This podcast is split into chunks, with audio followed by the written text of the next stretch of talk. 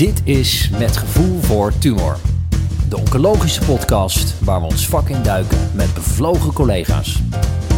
Beste luisteraars, van harte welkom bij een nieuwe aflevering van onze oncologische podcast Gevoel voor Tumor. Dit keer eh, een aflevering vanuit het midden van het land, namelijk vanuit het mooie Amersfoort, het Meander Medisch Centrum. Wij zijn Lieke Razenberg en Emma van Dijk. Wij zijn allebei internist-oncoloog in opleiding in het UMC Utrecht. En vandaag zitten we aan tafel met niet één, maar twee gasten, namelijk uh, Ernst Schoenmakers en Jara Baas. Beide werkzaam hier in het Meander. En uh, Ernst is hier chirurg-oncoloog en Jara is internist-oncoloog. En vandaag gaan we met jullie het onderwerp uh, mammacarcinoom bespreken. Waarbij we ons gaan verdiepen op het lokaal mammacarcinoom, dus niet gemetastaseerde ziekte. En Ernst en Jara, jullie kennen elkaar al. Uh, maar we willen jullie graag eerst eventjes afzonderlijk voorstellen aan de luisteraars voordat we het medisch inhoudelijk gesprek uh, ingaan. Uh, en dan beginnen we even met Ernst, als je het goed vindt. Want, Vind ik goed. Ernst, wij hebben natuurlijk even jouw cv bekeken met veel interesse. En een van de dingen die ons opviel, is dat jij nadat je je gymnasium in Arnhem destijds hebt afgerond, eerst een hele andere studierichting hebt gekozen dan geneeskunde. Dat klopt. Kan je daar eens iets over vertellen? Ja, zeker. Ja, en eigenlijk wist ik nog niet zo heel goed wat ik wilde, wilde gaan doen. Dus ik heb uh, een tussenjaartje gedaan. Toen ben ik uh, Italiaanse geschiedenis gaan studeren in Perugia in Italië. Voor een jaartje. Een heel mooi avontuur, denk ik. Dat was een heel mooi avontuur. Hoe kwam je erbij? Ja. Heb je Italiaanse roots? Ga je elk jaar nou, vakantie naar wel, Italië? Ja, we gingen eigenlijk elk jaar naar Italië met vakantie. En uh, daar is eigenlijk de liefde voor Italië ontstaan. Ja. En toen, via via hoorde ik van iemand die daar geweest was. En nou, die was daar waanzinnig enthousiast over. Dus toen heb ik dat ook gedaan. Dus toen heb ik echt een, echt een heel leuk jaar gehad. Leuk. En ja. is er wat van blijven hangen? Kan je nog Italiaans bijvoorbeeld? Ik spreek nog Italiaans, zeker. Ja? En, uh, maar wat met name is blijven hangen is lol die ik daar, lol. die ik daar heb gehad. ik, uh, toen was uh, Perugia net gepromoveerd naar de Serie A. Dat is de eredivisie in Italië. Dus uh, ik heb daar heel veel voetbalwedstrijden ge, uh, gezien. Ik zat daar toevallig in hetzelfde appartementencomplex als Michel Kreek, een Nederlandse voetballer. Dus we raakten aan de, aan de praat en ik mocht met hem, uh, van hem kreeg ik eigenlijk kaartjes voor alle wedstrijden. Dus ik heb ook met, met die bus mee geweest, veel uitwedstrijden gezien. Heel veel op gehad. Leuk. Ja. En ga je nu nog steeds elk jaar op vakantie naar Italië? Nee, er meer nee, het is nu wat meer variatie. Ja, ja. Mooi. En uh, uiteindelijk ben je in 1998 geneeskunde gaan doen. Hier in Utrecht uh, lazen we. Ja. Uh, toen de opleiding heelkunde ook hier in Utrecht. Hè. En wat maakte nou dat je uiteindelijk als jonge chirurg je voelde aangetrokken tot de oncologische chirurgie? Nou, dus, dus een heel traject geweest. Ik heb promotieonderzoek gedaan in een ander onderdeel. Ehm, dus dat leek misschien dan heel logisch. Maar ja, dan groei je daar, daar langzaam in. En ik heb ehm, eigenlijk die definitieve keuze uh, voor de uh, differentiatie uh, gastroenterologische chirurgie en oncologische chirurgie gekozen. En toen tijdens mijn eerste fellowship in Breda ben ik met name worden, geïnteresseerd geraakt in de oncologie. En dat kwam door een van de begeleiders daar, Ernst Luiten met name. Dat was een inspiratie voor je? Ja. Een voorbeeld? ja. ja. Leuk. En een naamgenoot. Ja, nou, dat is toeval. Ja, ja. ja, precies. En sinds 2016 ben je hier in het Meander uh, chirurg. En um, met als aandachtsgebieden zagen we mammacarcinoom, maar ook melanoom en uh, schildklierpathologie. Uh, maar je hebt een enorm pakket aan nevenfuncties. eigenlijk te veel om op te noemen. Je bent plaatsvervangend opleider van de chirurgie. Uh, lid van het bestuur van de NVCO, uh, congrescommissie, kwaliteitscommissie, NVVH. Nou, zo kan ik nog eindeloos doorgaan. Uh, liesbreuken, daar is ook nog een hobby van je sinds je daarop gepromoveerd bent. Um, en dan lazen we dat je vader bent van drie kinderen en tijd hebt voor hobby's. Ja, dat klopt. Ja, ja heel knap. Ja. heel knap. Ja. ja. nou, dat, dat, is ook best wel veel. uh, als je het zo opnoemt, uh, denk je, hoe doe ik dat eigenlijk? Ja. Maar um, ja, dat, dat, uh, dat uh, ja, nou ja, dat is wel de basis inderdaad. Een goede, goede thuissituatie. Ja. ja. En wat voor hobby's doe je? Nou, ja, uh, dit eigenlijk allemaal wat je al zei. Dat vind ik allemaal heel leuk om te doen. Uh, ik ben ook nog vrij fanatiek hockeyer. Uh, ook nog wedstrijden bij de veteranen. Dus dat gaat er allemaal vrij fanatiek aan, aan toe. En ehm, ik vind het ook wel heel leuk om met vrienden af te spreken. En, maar met name met mijn gezin eh, dingen te doen. Leuk. En hoeveel dagen in de week werk je? Ik werk vol tijd. Dus dat is hier vier om vijf. Mooi. Nou, een heel mooi pakket zo samen, denk ik. Ja. Uh, en dan Jara, want jij bent sinds 2018 hier internist-oncoloog. Uh, en uh, toen we jouw cv la lazen, zagen we dat jouw roots eigenlijk niet zozeer hier in de regio nee, liggen. helemaal niet. Kan je jouw carrièrepad eens beschrijven? Ja, zeker. Ik, ik ben wel een beetje in de buurt opgegroeid. ik zat in Utrecht op de middelbare school. En de eerste prioriteit toen ik ging studeren was dat ik niet meer thuis hoefde te wonen. Ik wilde op kamers. dus, en ik wist wel dat ik geneeskunde ja. wilde studeren, maar dat moest dus beslist niet in Utrecht zijn. En ik kan me niet meer zo goed herinneren wat mijn cijfers waren, maar ik dacht, die loting, dat durf ik niet op te gokken. Dus ik ben voor de decentrale selectie gegaan en ik heb toen voor Leiden gekozen. Ik, ik weet eigenlijk ook niet goed meer waarom, maar zo is het gelopen. Ja, en toen in Leiden eigenlijk al die tijd gebleven, hè? Ja. Ja. ja. Uh, en uh, uiteindelijk in 2018 uh, hier in het Meander, was dat je eerste baan? Dat was mijn eerste baan, ja. Ja, ja als fellow heb ik gesolliciteerd, want de opleider in Leiden die had goed contact met degene die hier wegging. En uh, ja, het voelt als heel veel geluk. Ik heb die baan gekregen. Ja, want je had meteen ook een vaste plek. Ja. Ja. ja. Ik heb, heb een maandje op mijn verzoek. Uh, Dan zoeken wij natuurlijk nu naar ja, de Ja, dat snap ik. Ja. Hoe krijgen wij dit voor ja. elkaar? Ja. Ik denk eerlijk gezegd echt heel veel geluk. En uh, je moet je ook een beetje zichtbaar maken. En ik denk wat ook heel erg in mijn voordeel heeft gespeeld, is dat ik aan een, uh, aan een uitzending meedeed. Bij de ESCO hadden we, hè, dus ESCO is elk jaar in Chicago en is ook ESCO aan wal. En er waren altijd twee fellows die daar razende reporter waren. En die, die interviewden allemaal sprekers. En ja, ook geluk denk ik, ben ik gevraagd om dat te doen. En dat maakt wel dat je veel zichtbaarder bent. Ja, dus dit is voor jou eigenlijk uh, een thuiswedstrijd dit. Dat is het, ja. ja. Fijn. Uh, en in het uh, meander is mammacarcinoom voor jouw aandachtsgebied. Doe je ook nog andere tumorgroepen? Ja, zeker. We zijn met z'n vijven en um, de, kijk, de grote hier zijn prostaat, colon en mama. En dat doen we natuurlijk allemaal. Maar we hebben wel afgesproken om ons een beetje te differentiëren. Dus ik denk wel dat zeker 80% van mijn patiënten heeft borstkanker. En een klein stukje colon en ovarium. Ja, en wat overblijft, prostaat en nier. Ja, en wat vind je zo leuk aan uh, de mammacarcinoomzorg? Nou, ik vind dat leuk. Er komt zoveel bij kijken. En het gaat van jonge vrouwen tot oude vrouwen. Het gaat over gezin, fertiliteit, uh, werken. Mensen die beter kunnen worden, mensen die helaas niet beter kunnen worden. Uh, het is gewoon ontzettend divers. En de vrouwen vragen best wel wat van je. Uh, zonder te generaliseren. Uh, ja, sommige mannen hebben gewoon veel minder vragen. En er wordt meteen naar ernst gekeken ja. voor de luisteraars thuis. Ja, omdat Mooie ik interactie. ben. Ja, ja. ja. Nee, dat is wel heel generaliserend. Dat is, zo is het natuurlijk niet altijd. Maar uh, het is gewoon echt een leuke groep die ook op een leuke manier heel kritisch kan zijn. Ja, en gevarieerd dus. Ja, leuk. En wat doe jij graag in je vrije tijd? Uh, nou, die vrije tijd vind ik wel beperkt, eerlijk gezegd. Uh, er komt best wel veel werk nog bij kijken. Maar uh, ik doe ook graag dingen met gezinnen, met mijn vrienden. En ik hou heel erg van koken. En van eten. Ook als iemand anders heeft gekookt. Kijk. en wat voor keuken is dan je favoriet? Nou, dat, dat maakt niet zoveel uit. dat is echt van alles. Meestal heb ik gewoon een favoriete boek wat ik, waar ik op het moment veel uit kook. En ik weet niet of we reclame mogen maken, maar ja, hoor. Sergio ja. Herman is op het moment de favoriet. Tip van kerst. Ja, precies. precies. Ja, voor de feestdagen. Leuk. Um, dan gaan we graag met jullie verder uh, in gesprek uh, over het mammacarcinoom. Um, ja, en uh, van deze opname gaan we vandaag met jullie spreken over het vroegmammacarcinoom. Ik denk dat we heel lang kunnen praten over mammacarcinoom, maar dat gaan we in, uh, in twee verschillende opnames doen. Dus vandaag het vroegmammacarcinoom. Um, nou, even een korte introductie ook voor onze luisteraars. Um, zoals bij onze luisteraars ook bekend zal zijn, is mammacarcinoom helaas een veel voorkomende vorm van maligniteit. Um, cijfers zijn over jaarlijks 18.000 vrouwen en ook 135 mannen die de diagnose borstkanker krijgen. En daarbij hebben de afgelopen decennia in toenemende mate bij het overgrote deel van de patiënten een mammacarcinoom in het vroeger stadium ontdekt, ook door het bevolkingsonderzoek. Dat vonden we ook interessant, want we hebben natuurlijk een coronaperiode gehad en zitten er nog in de staart van. Hebben jullie dat gemerkt, dat er uh, ja, nu toch weer uh, een relatief hoger percentage vrouwen zich presenteert met een uh, gevorderd stadium borstkanker sinds we de coronapandemie hebben gehad? Ja, dat hebben we wel gemerkt hè, in de eerste tijd. Ja. dat de aantallen minder waren. Ja.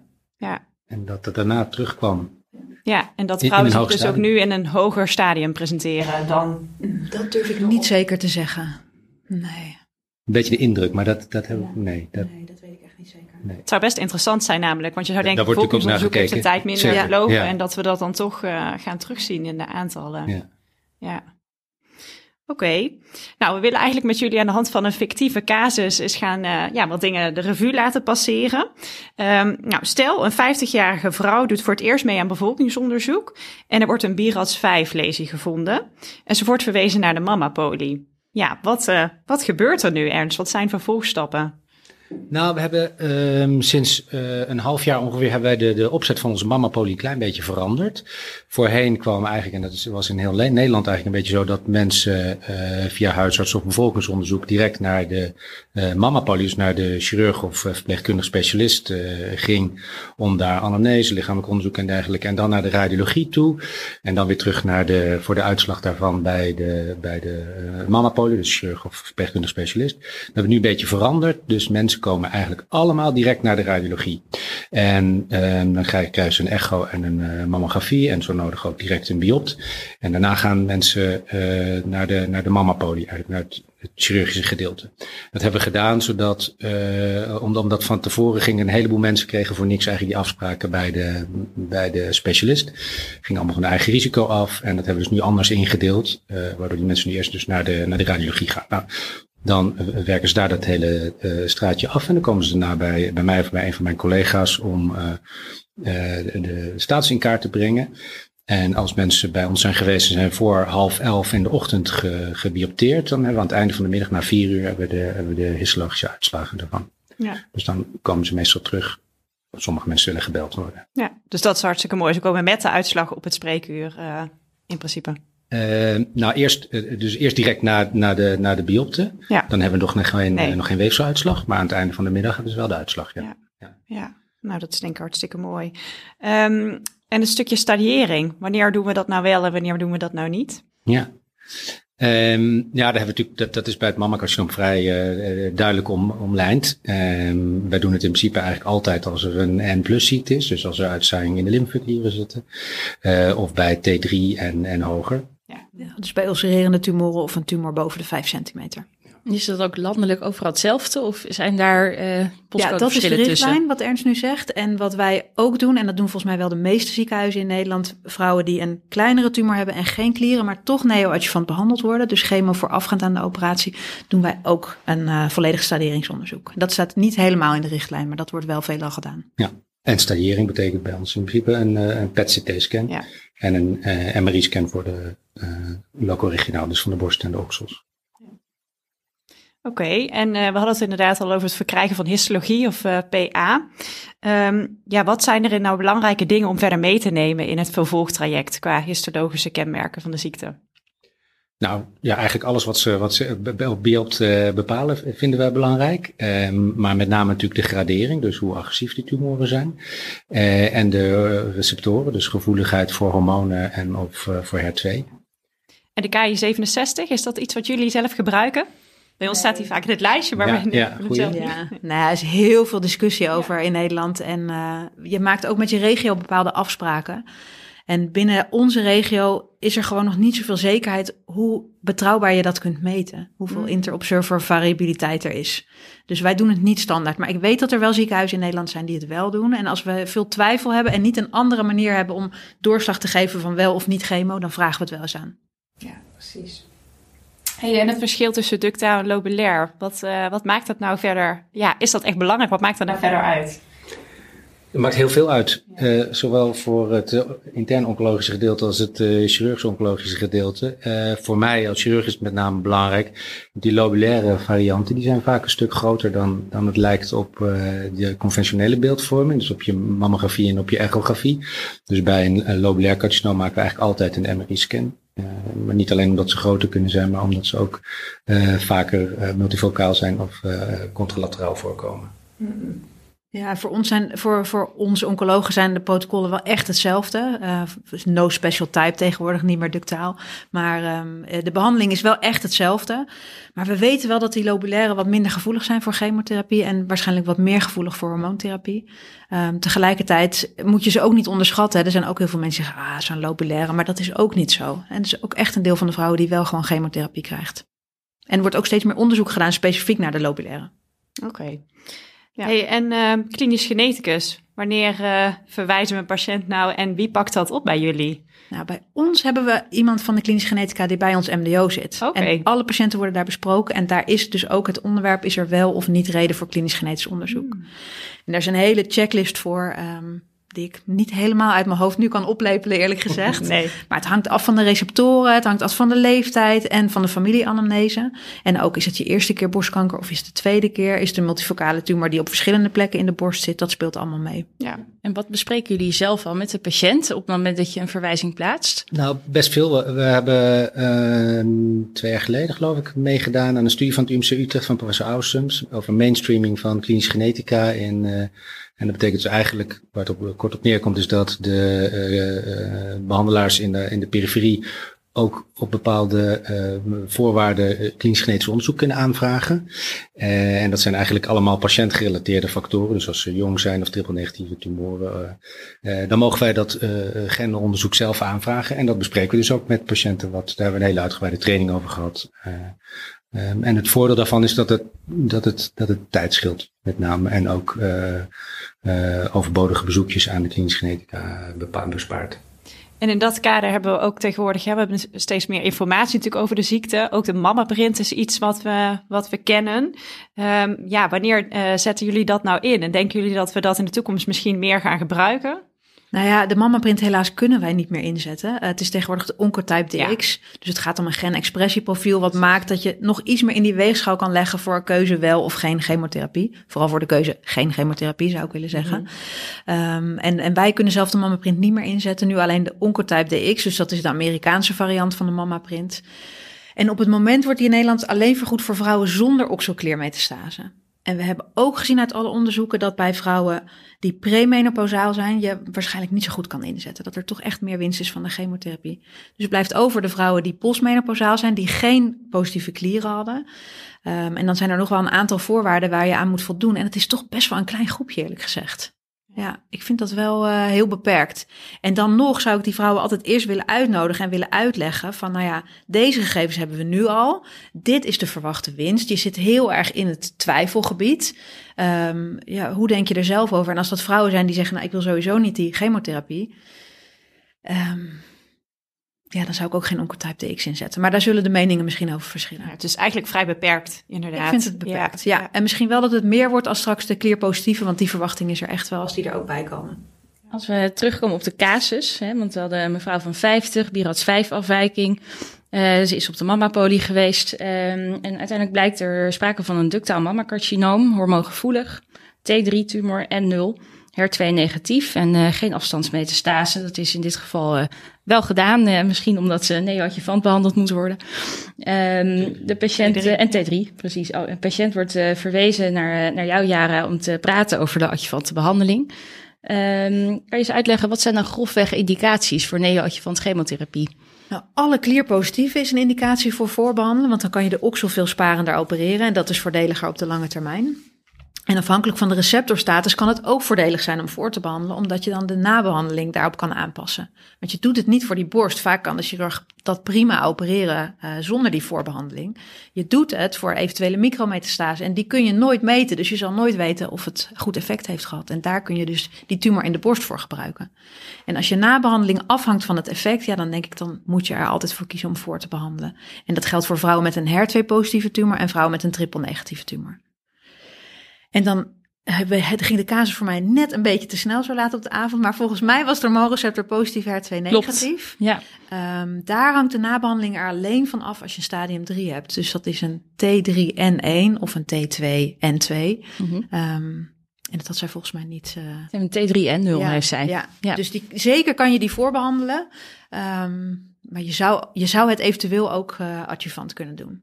Ja, uh, en um, zijn de indicaties eenduidig in het land? Ja, vind ik wel. Ja, het staat ook uh, duidelijk in een richtlijn beschreven. Ja, goede vraag. Want als de artsassistenten hun poli voorbereiden en vertellen wat ze in de richtlijn hebben gevonden, dan klopt er meestal helemaal nee, niks van. Nee, dat herkennen wij wel. Ja, dat is heel frustrerend als je je stage doet. Um, en ik moet zeggen dat ik zelf de richtlijn niet raadpleeg, omdat ik weet niet waarom. Maar dat zit in je hoofd. En natuurlijk zijn er, uh, zijn er steeds wel weer nieuwe ontwikkelingen, maar die hou je bij door met je beroepsgroep daarover te praten in je regio of landelijk. Ja.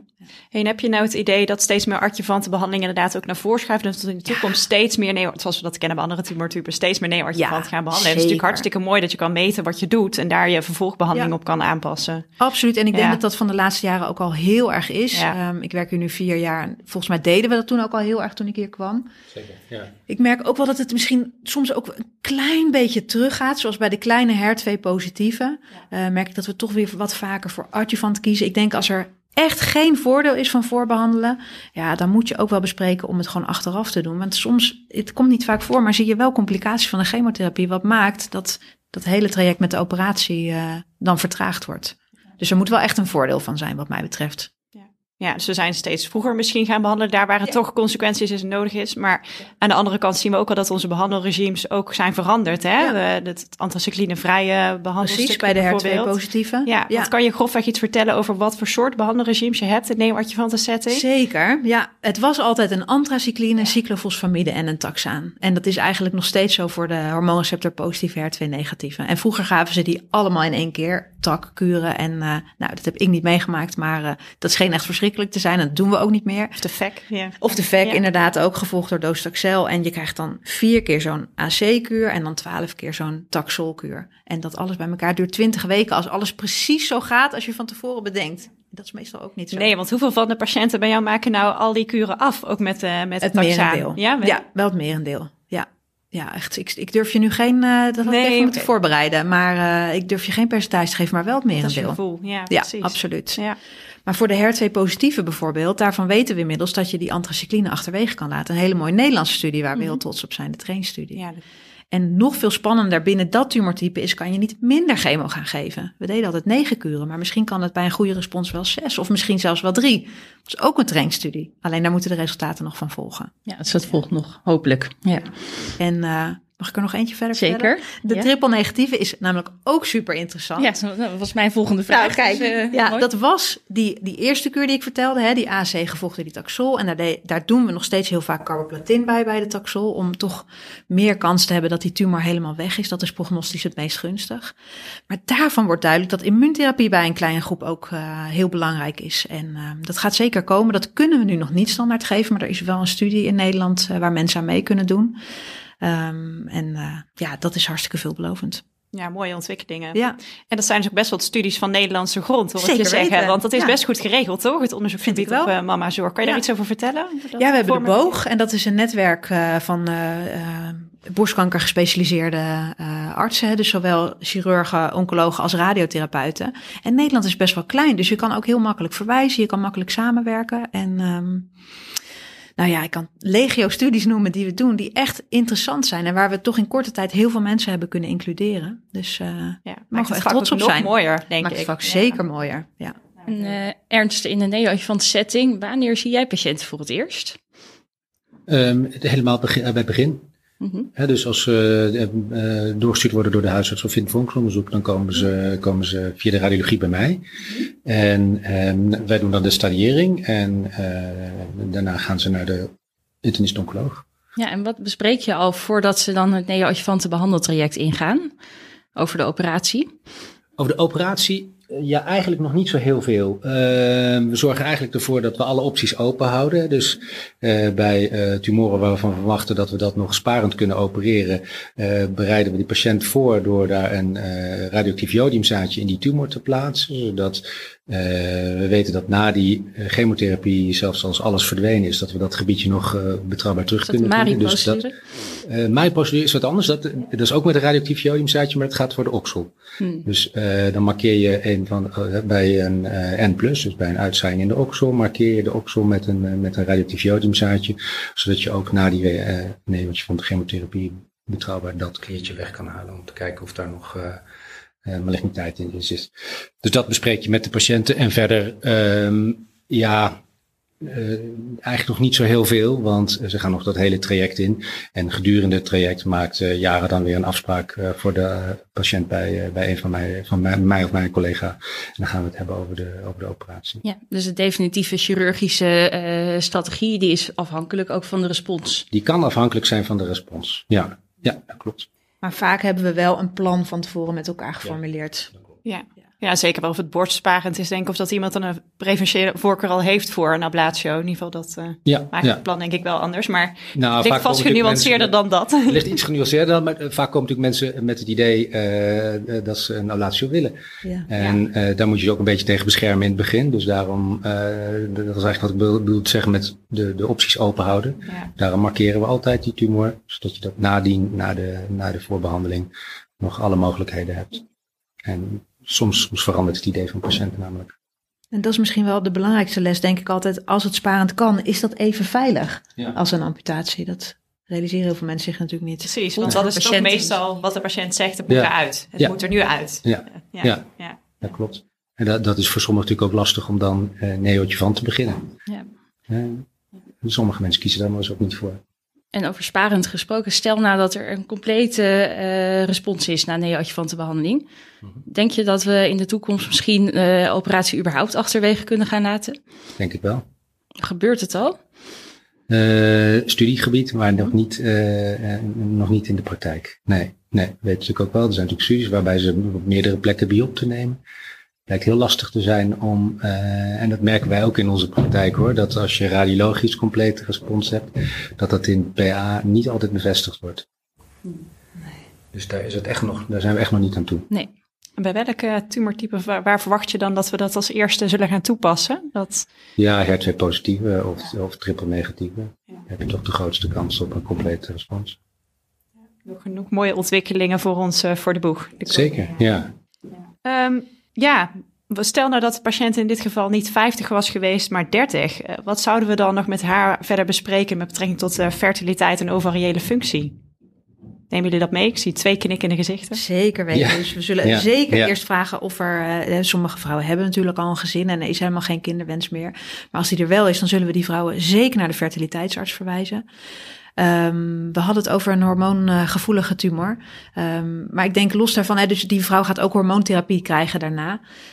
Um, het, het is voor de algemene gezondheid zou je wel kunnen overwegen om zo'n vrouw bijvoorbeeld uh, Zoladex te geven, om de ovariële functie te onderdrukken. Uh, omdat, ja, als die mevrouw blijvend in de menopauze komt, maar ja, die ga je heel lang met hormoontherapie uh, behandelen, is dat niet goed voor de bloedvaten, voor de botten. Dus het gaat zowel om fertiliteit als om metabole gezondheid. Ja. Dus daar vroeg aandacht voor hebben ja, zeker is vooral heel erg belangrijk. Ja, ja, ja, absoluut. Op meerdere fronten zo te zien. Nou, er komt natuurlijk best wel veel op je af dan in die, in, op de patiënt af in die, in die eerste paar weken eigenlijk uh, na de diagnose. Ja. En dit is een van de dingen die eigenlijk al in het eerste of tweede gesprek bij ons besproken worden. Ja, zeker de kinderwens. Ja. ja. Dat vinden mensen ook spannend, want dat kost, ja, zeker als je naar de fertiliteitsarts gaat, kost je dat natuurlijk ook even tijd. Maar uh, dat zou ik wel echt aanmoedigen als iemand die wens heeft. Ja, en dat kan ook snel, toch? Ja, dat kan ook snel, ja. Maar als, uh, het kan snel, maar dan duurt het nog steeds een aantal weken. Ja, dan duurt het nog wel even. Ja, ja, ja dat klopt. Ja, dus de, dan, Dat, dat, daarbij stel je je behandeling ook uit. En dat is natuurlijk ook spannend. Dat is Bovendien krijg je natuurlijk een heleboel hormonen tijdens die... Uh, ja. En dat is ook een beetje spannend. Ja. Maar goed, die vrouw die gaat uh, eh, 20 weken chemotherapie krijgen, daarna geopereerd worden, die gaat daarna nog bestraald worden en die gaat daarna hormoontherapie krijgen. Dus eer dat ze daadwerkelijk weer aan een zwangerschap proberen om zwanger te worden kan gaan beginnen, ben je ook uh, een heel stuk verder. Ja, de behandeling van borstkanker zo duurt lang, duurt hè? Lang. Het duurt echt zo lang. Er zitten zoveel stations in eigenlijk. Ja, ja, En hebben jullie patiënten ook nog een uh, case manager of uh, verpleegkundig specialist? ja? Uh, ja, ze hebben, uh, bij ons bij binnenkomst krijgt iedereen een case manager. Dat zijn bij ons de mammacare verpleegkundigen. En uh, die blijven in ieder geval bij, ja, bij, bij het chirurgische gedeelte blijven ze de case manager. Als ze dan naar de internist-oncoloog gaan, dan wordt een van jullie verpleegkundige specialisten meestal. Uh... Ja, wij hebben zowel oncologische verpleegkundigen als verpleegkundige specialisten. En het lukt niet helemaal om iemand altijd precies bij dezelfde terug te laten komen. Maar je hebt wel een vaste aanspreekpunt. Ja is vaak heel waardevol hoor, van patiënten voor andere ja. tumortypes inderdaad. Uh, ja, oké. Uh, ja, als we dan de neoadjuvantenbehandeling hebben afgerond, uh, dan komen ze dus weer terug bij jou, Ernst, want we praten over het chirurgisch plan. ja, we hadden het net al even over mama sparend, ablatie, maar het ligt vast genuanceerder dan dat. Kun je eens schetsen wat er allemaal aan opties is op dit moment? Ja, nou, eigenlijk is dat natuurlijk wel de, de, de grote tweesplitsing waar we kunnen kiezen. En um, nou, wat Jara net al zei, er zijn natuurlijk goede studies die hebben laten zien dat over de hele groep genomen het niet onveiliger is om een sparende operatie te doen. Dat heeft ook minder cosmetische uh, invloed over het algemeen. Het is natuurlijk gewoon een kleinere operatie. Dus dat is, als het enigszins kan, uh, is, ja, heeft dat wel ergens de voorkeur. Uh, maar dat kan niet altijd om tumorredenen of omdat de patiënt het niet willen of omdat er een genmutatie is, dat het, dat uh, een reden is om te kiezen voor een, een, amputatie. Nou, dan, dan kunnen we dat natuurlijk doen en dan kunnen we gelukkig tegenwoordig dat allemaal heel netjes samen met onze plastisch chirurg uh, reconstrueren. En waarbij natuurlijk dat echt een, een aanzienlijk grotere operatie is. En dan kan je kiezen tussen reconstructies met uh, protheses of reconstructies met eigen, eigen weefsel. Hè. Dus dat je van buikvet een, een uh, bijvoorbeeld of van de bil een, nieuwe borst maakt of van een, van een spier van de rug. Um, maar dat is wel belangrijk dat je daar patiënten goed op voorbereidt. Want dat zijn echt hele uitgebreide operaties waar patiënten ongeveer een hele dag op de, op de operatiekamer liggen. En daarna ook nog uitgebreid moeten, moeten herstellen. Ja, en wat zie je in de praktijk vaak? Waar kiezen patiënten het vaakst voor? is dat lastig te zeggen? Nee, nou kijk, um, ik merk wel dat er een trend is dat de meeste mensen nu graag een eigen lichaams, uh, als je het hebt over reconstructie, over eigen lichaamsmateriaal, reconstructie kiezen omdat je dan, uh, ja, er zijn natuurlijk best veel uh, slechte verhalen over protheses in het nieuws geweest. En um, ja, daar kan je natuurlijk wel een beetje nuanceren, want het, zijn echt wel veilige apparaten die gebruikt worden. En, maar het zijn er zoveel dat er natuurlijk bij een percentage van de patiënten daar wel vervelende bijwerkingen optreden. Die zou ik ook niet ontkennen, want die zijn er ook echt. Maar er zijn ook een heleboel vrouwen waar dat niet zo is. En je kiest dan voor een veel kleinere operatie. Maar de, de trend is wel naar, naar lichaams-eigen materiaal. En zijn er lange wachttijden voor? Uh, daar, zijn, uh, ja, daar zijn wel lange wachttijden voor. Dat, dat verschilt natuurlijk een beetje in het land. Uh, maar daar heb je wel een aantal maanden. Meestal doen we dan ehm, bij de eerste ablatio, dus het, het, verwijderen van de tumor en al het borstklierweefsel, plaatsen we dan een tissue expander als tijdelijke reconstructies, zodat mensen niet plat zijn, maar ook omdat dan de, de huid mooi opgerekt kan worden. En tissue expander is eigenlijk gewoon een soort waterballon die je onder de huid of onder de grote borstspier plaatst. En die dan in de weken na de operatie langzaam kan vullen, want er zit een soort ventieltje in. En, en dan na, na, een aantal maanden meestal kan de definitieve prothese of, uh, of reconstructie plaatsvinden. Ja. En dat is ook de veilige weg vaak, want dan geef je de, de, de huid, die, ja, die krijgt natuurlijk een deel van de doorbloeding via de huid en een deel van de doorbloeding via de borst via het klierweefsel. Nou, die klierweefseldebloeding die haal je allemaal weg. Hè. Dus die huid kan het soms moeilijk hebben. Als je daar direct een grote prothese of iets anders onder plaatst, kan je voorstellen dat die huid uh, een grotere kans heeft om, uh, om necrotisch te worden, om af te sterven. Nou, als je eerst zo'n tissue expander, dus zo'n waterballon plaatst, kan je die langzaam uh, vullen en dan kan de huid daarmee opbreken. En dat is een operatie die je samen doet met de plasticus. Ja. Ja, zit hij ook van tevoren bij het consult als je patiënt voorlicht over verschillende oncoplastische mogelijkheden? Of, we, doe je... krijgen altijd, nee, dat doen, dat doen we wel gescheiden, maar we, ze hebben van tevoren allemaal een afspraak ja. bij ja. een van ons plastisch chirurgen. Ja. Wat zijn de belangrijkste ontwikkelingen op chirurgisch gebied bij uh, de behandeling van uh, Minder. Minder, ja. Minder. Het belangrijkste is denk ik, de, wat, wat de grootste winst is, is eigenlijk dat we veel minder vaak uh, oxycliede hoeven te doen. Precies, en ja. de, de, de trend is echt naar minder invasief. Ja. Um, en met, met name de neootje van tevoren behandelen uh, is natuurlijk uh, een van de oorzaken dat we, dat we heel veel minder oxyclierdissecties hoeven te doen. En dat is, uh, dat is natuurlijk heel gunstig. Ja, want wat zijn op dit moment nog de indicaties voor een oxyclierdissectie? Nou, uh, feitelijk N2-situatie met nog tumoractiviteit na voorbehandeling. Dat is eigenlijk. Ja. En een recidief in de oksel. Of recidief in de oksel, inderdaad. Ja. En ik denk wat, wat misschien wel een ontwikkeling is, maar ik weet eigenlijk helemaal niet wat Ernst daarvan vindt, is die RISAS-procedure. Mm -hmm. Dus we hebben de Marie-clear-procedure die we net bespraken. Je markeert één clear en die haal je er daarna uit. En je hebt de schildwacht-clear-procedure. Dat is als je niet vooraf wist dat er een uh, uitzaaiing zat in de mm -hmm. oksel. En, en dat wellicht in de toekomst, maar dat weet ik helemaal niet of jij dat vindt dat we dat gaan doen. Combineer je die twee? Ja, dat doen we ook wel eens. Ja, maar, dat, dat, maar verder ontwikkelen chirurgen gewoon minder dan ook. ja, dat, nee, dat is niet waar. nou ja, dat is natuurlijk wel een duidelijke trend naar, naar, naar, naar minder invasief. En dat is denk ik heel goed. Ja. Ja, ja en er zit hier geen uh, radiotherapeut uh, Nee, aan tafel. Daar zijn we ons heel bewust van hoor. Ehm, maar wanneer uh, verwijzen we patiënten nou voor radiotherapie? Dat is best ingewikkeld. Mm nou ja, iedereen die sparend geopereerd is, komt in aanmerking voor, uh, voor radiotherapie. En uh, bij positieve opzoeklieren kom je ook in aanmerking voor radiotherapie. En verder is er een heel lijstje aan factoren wat maakt, hè, risicofactoren. Leeftijd speelt een rol, de graad, of de tumor triple negatief is of niet. dat kan ook allemaal maken dat iemand in aanmerking komt. En een niet-radicale resectie zou ik bijna vergeten. Als het nou, nee, dan, nee, dan uh, ja, bij, bij een ablatio als het, uh, ja. ja. dat is natuurlijk iets wat heel zelden voorkomt. Ja. En daar gebeurt op zich wel wat, want dat is ook een studie in Nederland om te kijken als je bij voorbehandeling en een complete respons, we opereren nog steeds wel, of je dan misschien de radiotherapie achterwege zou kunnen laten. Dat is denk ik de nieuwste ontwikkeling.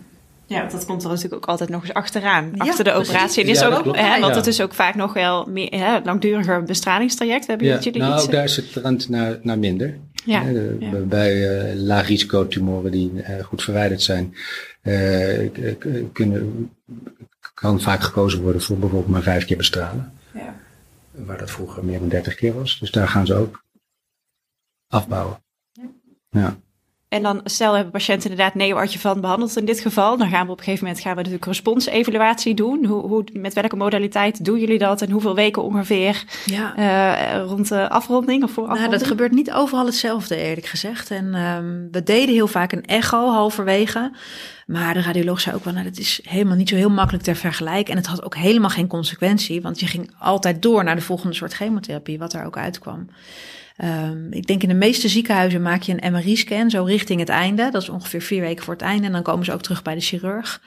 Maar ik moet zeggen, als de patiënt een tumor heeft die heel goed palpabel is. en je voelt tijdens de behandeling dat die duidelijk kleiner wordt. dan laten wij die MRI achterwege. En bij vrouwen die N2-ziekte hadden, evalueren we met een PET-scan, omdat dat consequenties heeft voor de radiotherapeut. Okay. Maar ik denk, je moet de patiënt er ook wel voor um, nou, waarschuwen is misschien niet het goede woord, maar goed voorlichten dat die evaluatie is natuurlijk fijn en het is belangrijk en het kan je ook wat extra steun in de rug geven in een tijd dat je er echt wel klaar mee bent met die chemotherapie. Maar het gaat om wat de patholoog uiteindelijk na de operatie ziet. Ja. En dat is gewoon niet altijd hetzelfde. Nee, en dat is wel heel fijn dat jullie dat zo uh, bespreken met patiënten. Want die komen dan met een PET-scan waar je niks meer op ziet. Ja. Dan gaan we ze opereren. En dan is het wel fijn als we van tevoren al hebben ge gehoord dat dat hoort natuurlijk ook van ons, maar als van meer is het altijd beter. Uh, als we van tevoren hebben gehoord dat dat niet altijd overeenkomt. Ja. Want het kan natuurlijk best wel teleurstellend zijn als je denkt dat je helemaal schoon bent en is het toch nog uh, een groot gebied met tumor. Ja, precies. En, en wat, wat doen jullie nog verder met zo'n hernieuwde MRI-scan? Um, ik kan me voorstellen dat het voor jullie consequenties heeft voor ja. de uiteindelijke keuze van de operatietechniek. Ja, dat dus kan zeker. Jullie, ja, ja. ja, ja, dat kan zeker. Dat kan net soms het verschil maken tussen, uh, tussen adviseren om Precies. dat niet sparend te doen of wel. De patiënten komen dan ook terug op het MDO bij jullie ook? Ja, na de beeldvorming, ja. En natuurlijk, net zei ik van, nou ja, klinisch evalueren als het kleiner wordt, maar als, als het voor Ernst of zijn collega's belangrijk is, of het wel of niet sparend kan, zullen we natuurlijk altijd een MRI maken. Ja. Dat wordt dan waarschijnlijk ook in het eerste MDO ook besproken, besproken. dat dat uh, ja. sowieso aan de orde is. Een hele checklist die we aflopen en één onderdeel daarvan is hoe gaan we dit evalueren. Ja, die patiënten die neoadjuvant worden behandeld, komen dus allemaal tenminste drie keer op het MDO. Dus één keer voor de chemotherapie, of voor de neoadjuvante moet ik zeggen, één keer na en één keer na de operatie. Ja. En daar zitten jullie dus bij, daar zit een radiotherapeut bij, daar zat de klinisch geneticus bij, de radioloog, patholoog, missen we dan nog iemand? De nucleair geneeskundige, verpleegkundige specialist, artsassistent, case manager, ja. artsassistent, ja. ja. Ja, dan hebben we wel iedereen gehad. Ja, en, en we hebben een consulent uit het UMC uh, die aansluit, een uh, internist-oncoloog. En hoe vaak hebben jullie MDO's? Dat één keer in de week of hebben jullie? Ja, één keer per week. MDO's één keer. Maar en ja, als we dan uh, uh, eenmaal op het MDO zijn beland na de operatie, dan wordt er misschien besproken, patiënt kan verwezen worden voor adjuvantenbehandeling. Uh, en dan komen ze bij jou terecht weer, jaren. Ja. En um, even een hele algemene vraag, hoe counsel je een patiënt? Wij gebruiken vaak de Predict in Utrecht. Ja. Nou ja, ik, ik begin altijd met te zeggen dat de patiënt een keuze heeft. Want ze komen altijd met het idee van ik moet chemo of ik moet hormoontherapie. En ik, ik, zeg wel altijd eerst duidelijk van, nou, u bent hier, er is, een, uh, er is een nabehandeling voorgesteld, maar dat is een keuze. Er zijn voor- en nadelen en die wil ik graag met u bespreken. Um, en om dat goed te kunnen bespreken, moet je iemand ook een beetje leren kennen. Want nu lijkt het even alsof we dezelfde patiënt gaan terugzien die ik al van tevoren had gezien. Maar die zorg ik altijd dat ik die zelf terugzie. En die heb ik al van tevoren gecounseld. Ik denk, uh, daar komen ook heel veel mensen nieuw na de operatie. En die moet je even leren kennen. Wat is de conditie? Wat zijn de wensen in het leven? Hè, wat ben je bereid om uh, in te leveren aan kwaliteit gedurende die chemotherapie? En de Predict is een heel mooi online model om te kijken naar hoeveel is nou eigenlijk de winst van de chemotherapie en trouwens ook van de hormoontherapie. Um, we hebben wel allemaal het gevoel dat het een beetje een onderschatting is. Vroeger was er een ander model, maar die, ja, dat lukte niet meer om die te updaten. En die hebben we niet meer. Uh, de winst wordt erg laag weergegeven, dat is wel lastig. En het gaat over leven en dood. En iemand is net bij de chirurg geweest en heeft gehoord, nou de tumor is weg, u bent beter. En dan gaan wij bespreken, ja de kans dat u over tien jaar nog leeft is zoveel procent. Doen we de chemo, dan is het zoveel procent. En het is zo abstract. Mm -hmm. Dus ik, ik, vraag wel, ik vraag altijd aan mensen van, um, nou er is een statistisch model, wilt u die met mij bekijken? Uh, en daar, daar bereid ik zo een beetje op voor. Ja. En welke modaliteit gebruik je dan om de resultaten te laten zien? Want je kunt verschillende mogelijkheden gebruiken. Ja. Predict, de bolletjes, de poppetjes, de ja. getallen. Wat gebruik je? Ik gebruik de staafdiagram. De staafdiagram. Ja. ja. maar je hebt inderdaad die, die tabel met die getallen. Nou, dat is, nee. dat is voor ons al niet leesbaar. Laat staan voor een patiënt. En de bolletjes had ook gekund. En de grafiek had ook gekund. Maar ik gebruik de staafdiagram. Ja. Dus denk ook net waar je jezelf fijn bij voelt. Denk inderdaad, dat, uh, dat je dat goed kan overbrengen. Ja. ja voor welke winst ga je dan? Hè? Uh, ja. Hebben jullie afkappunten hier in het Meander? Nou, in landelijk, hè? want het zou wel heel slecht zijn als uh, de patiënt hier het wel krijgt en ergens anders niet. en we hebben eigenlijk altijd met elkaar gezegd, ja, die overlevingswinst na vijf jaar, die moet eigenlijk wel 5% zijn. Nu merk ik al dat iedereen een beetje neigt naar 3 tot 5%, maar 3 is wel echt super weinig. Um, dus die afkapwaarde is er wel echt. Maar ja, wat voor de een, hè, de een zegt, nou, keuze, keuze, wat een onzin, ik ga dit gewoon doen. En ik heb die, die gen-expressieprofiel niet eens nodig, die zijn er ook. En tot een ander die bij 15% winst zegt, ja, maar dat ga ik echt niet doen. Ja, precies. Het is natuurlijk heel afhankelijk van welke patiënt je ja. voor je hebt zitten. Ja, ja. Ja. En wat je inderdaad zelf ook al zegt, hè, de onder- of overschatting, dat hoor ik ook vaak supervisoren zeggen. Ik vind dat zelf best lastig, omdat ik natuurlijk ook, ja, dan moet je toch wat achtergrond al hebben over wat je verwacht bij die patiënt. Dat maakt voor mij ook het lastige met predict, dat ik niet zo goed weet wat zit erachter. Uh, is er nou een mogelijkheid voor ons om je daar ja, meer bekwaam in te voelen? Um, of daar Ehm, moet je denk, echt. Nou, de winst zal, zal nooit overschat zijn in predict. Dat kan ik me eerlijk gezegd niet voorstellen. En als je wel iemand hoort die dat wel vindt, dan ben ik wel benieuwd. Dan wil ik dat ook graag uitgelegd krijgen. Ik denk dat het eerder altijd een onderschatting is. Ja, en je moet je realiseren dat de hele jonge vrouwen, die zitten er niet in. En de hele oude vrouwen, maar goed, daar zul je niet zo snel over chemotherapie praten. En voor de HER2, vind je dat nog verschil uitmaken? De HER2-positieve, dat daar een. Ja, nou het verschil met de HER2-positieve is natuurlijk de meeste behandel je neo-adjuvant. En strikt genomen kan je dan de predict eigenlijk helemaal niet Nee, gebruiken. Precies.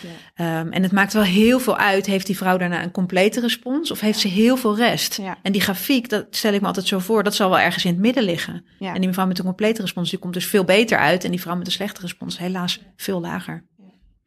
Denk je dat het toekomst is, dat we daar ook meer modellen of, uh, voor krijgen? Om... Ik weet het niet zo goed. En de ontwikkelingen zijn zo snel dat zo'n model bijna niet bij te werken is. Nee. Er komen echt, uh, nu komt straks de immuuntherapie voor de, voor de triple negatieve. En we hebben nu adjuvant TDM1 voor de HER2 positieve die nog geen complete respons hadden op de voorbehandeling. Ja. Wat echt verschrikkelijk is. Dat is nog na negen kuren van drie weken en de operatie en de bestraling nog veertien kuren van drie weken.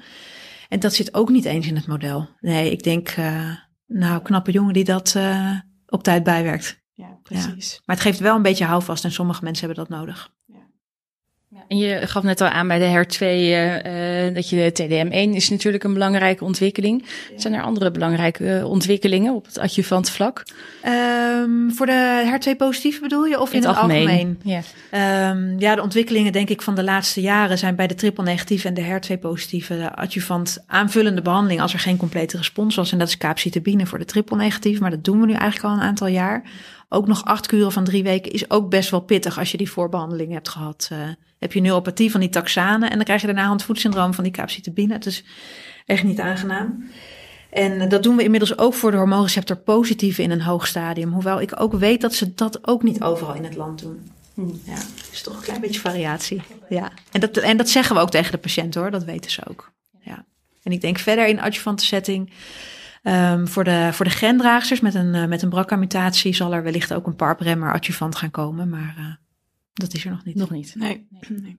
Ja, en de TDM1 noemde je al eventjes. Um, je zegt ook dat is heftig, komt er ook weer achteraan. Ja. Misschien dat niet al onze luisteraars het middel uh, kennen en de nee, bijwerkingen daarvan uh, ja. kennen. Kan je daar iets over ja. vertellen? Nou, dat is denk ik de mooiste ontwikkeling, want we zijn allemaal natuurlijk super trots op immuuntherapie. Maar ik denk dat antibody-drug conjugates ook een super mooie ontwikkeling zijn. En dat is dit.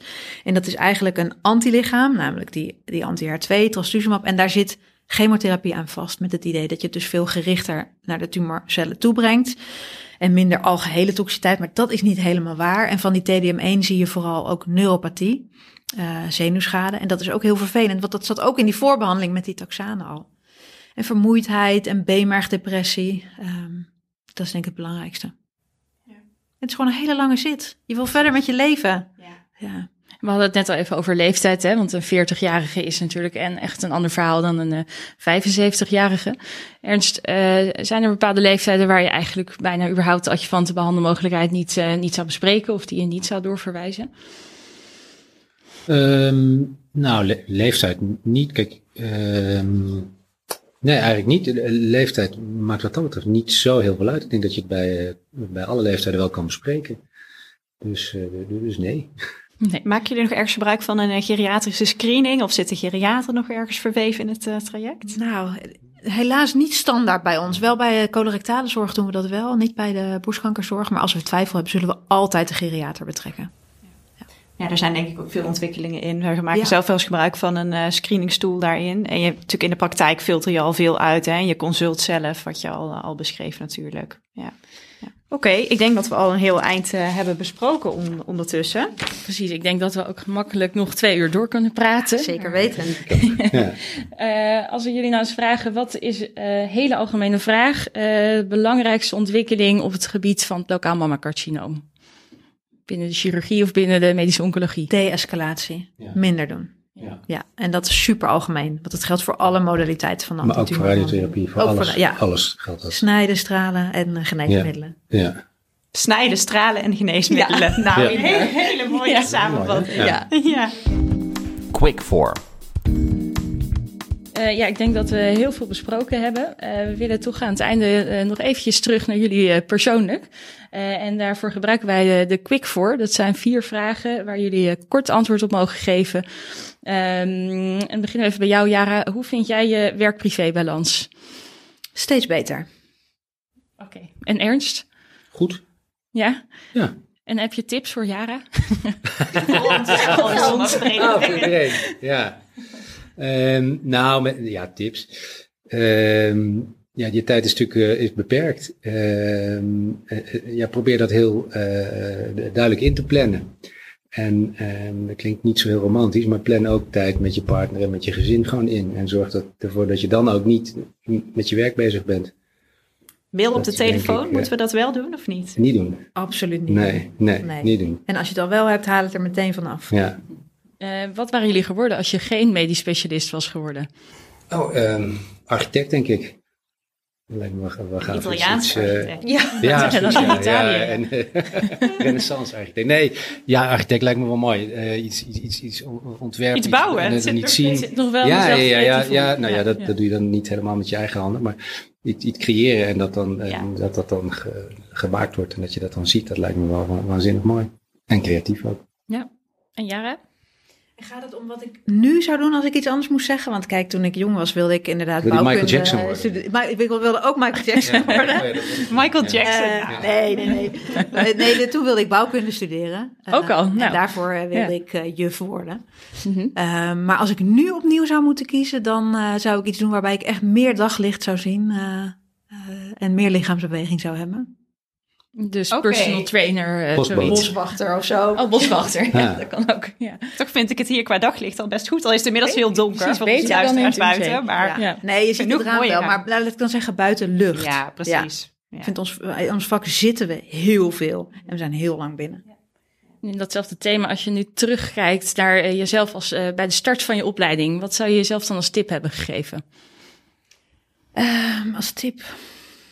Nou, maak je niet te veel zorgen. En die tip is dan misschien ook aan jullie, en daar hebben we het natuurlijk net over gehad, maar dat hebben de luisteraars niet gehoord. Het komt goed. Je gaat een baan vinden. En je gaat dat ook leuk hebben. Deze nemen we gewoon even op. Die kunnen we ja. dan heel fijn terugzien. Ja, die, die geldt niet alleen voor internisten, maar ook voor oh. chirurgen. Oh. Ja. Daar is dezelfde banenproblematiek als, uh, als bij jullie. Ja. En ja. Ja, blijf, blijf doen ook wel waar je hart ligt, denk ik. Hè? Ja, dat, dat is ook. Ja. Ja. En, en blijf ook inderdaad iets anders doen naast je werk. Want dat is zo leuk en daar gaat het uiteindelijk om. Mooi. Nou, dan uh, uh, als laatste vraag. Wat zouden jullie doen met een miljoen euro? Het mag uh, privé, het mag werkgebied. Ik ga naar de Malediven met mijn gezin. Heel goed. ja, ik denk ook dat ik een hele lange, hele lange, hele lange vakantie neem. Nee, nee, dan kom je nee, weer hele lange, tegen. hele ja. lange vakantie neem. Ja. Ik heb er nog niet zo over nagedacht, maar Reizen, in elk geval. Nou, zeker niet iets. Ja. Nou, ik kan niet voor Ernst spreken natuurlijk, maar niet iets materieels. Dat zou ik er niet van eh, doen. nee. nee, meer. We kunnen ook een ziekenhuis bouwen. Ja? Ja, ik dacht dat totaal niet aan werk. Nee, Ja, nee, Opzetten. Ja, ja, ja, ja. Nee. Duivelse dilemma's. Oké, hey, we hebben nog een duivels dilemma voor jullie in het thema van de periode waarin we zitten natuurlijk. Ehm, je moet aan elk kind vertellen dat Sinterklaas niet bestaat. Of je hebt altijd in elke schoen één pepernoot. Oeh. Ja, mijn kinderen zijn 17, 14 en 13, dus dat... eh, Ja, maar het gaat niet om je eigen kinderen. Elk kind. alle Ah, Ja, wereld, alle kinderen in de rond het wereld. ziekenhuis. Oh, Ja, in Nederland ja. komt, oh, ja. dat is wel heel zielig, ja. Dan ga ik maar voor die schoenen, maar niet ja, van harte. ja. Ja, nee, ik wil die, dat sprookje niet eh Ja, kapot offer je jezelf. Ja. Ik zag nog best wel twijfel eigenlijk. Wij dachten, Ja? dit is een hele makkelijke. Nee, nee, nee, dat sprookje moet Nee, zo blijven. nee, Ja. nee. Hey, en hebben jullie nog een eh, praktische tip eh, voor onze luisteraars of een belangrijk, belangrijkste take-home message? Over borstkanker of over het leven? Allebei. Zo, ja, je, Zo, je trekt het ook wel heel ver. Ja. Ja. ja, geniet van het leven. dat vind ik echt een hele goeie. Ja, en ook van het werk. Ja, maar dat is onderdeel van het leven. Ja, dat is onderdeel Ja, van het leven. Dan moet je denk ik niet Ja. loszien van elkaar. Ja. Ja. Nou, lijkt me een hele mooie laatste boodschap. Dan eh, sluiten we daarmee eh, af. We danken jullie voor het luisteren en eh, we zien jullie weer een volgende keer. Dit was Met Gevoel voor Tumor. Dank voor uw aandacht en tot de volgende aflevering.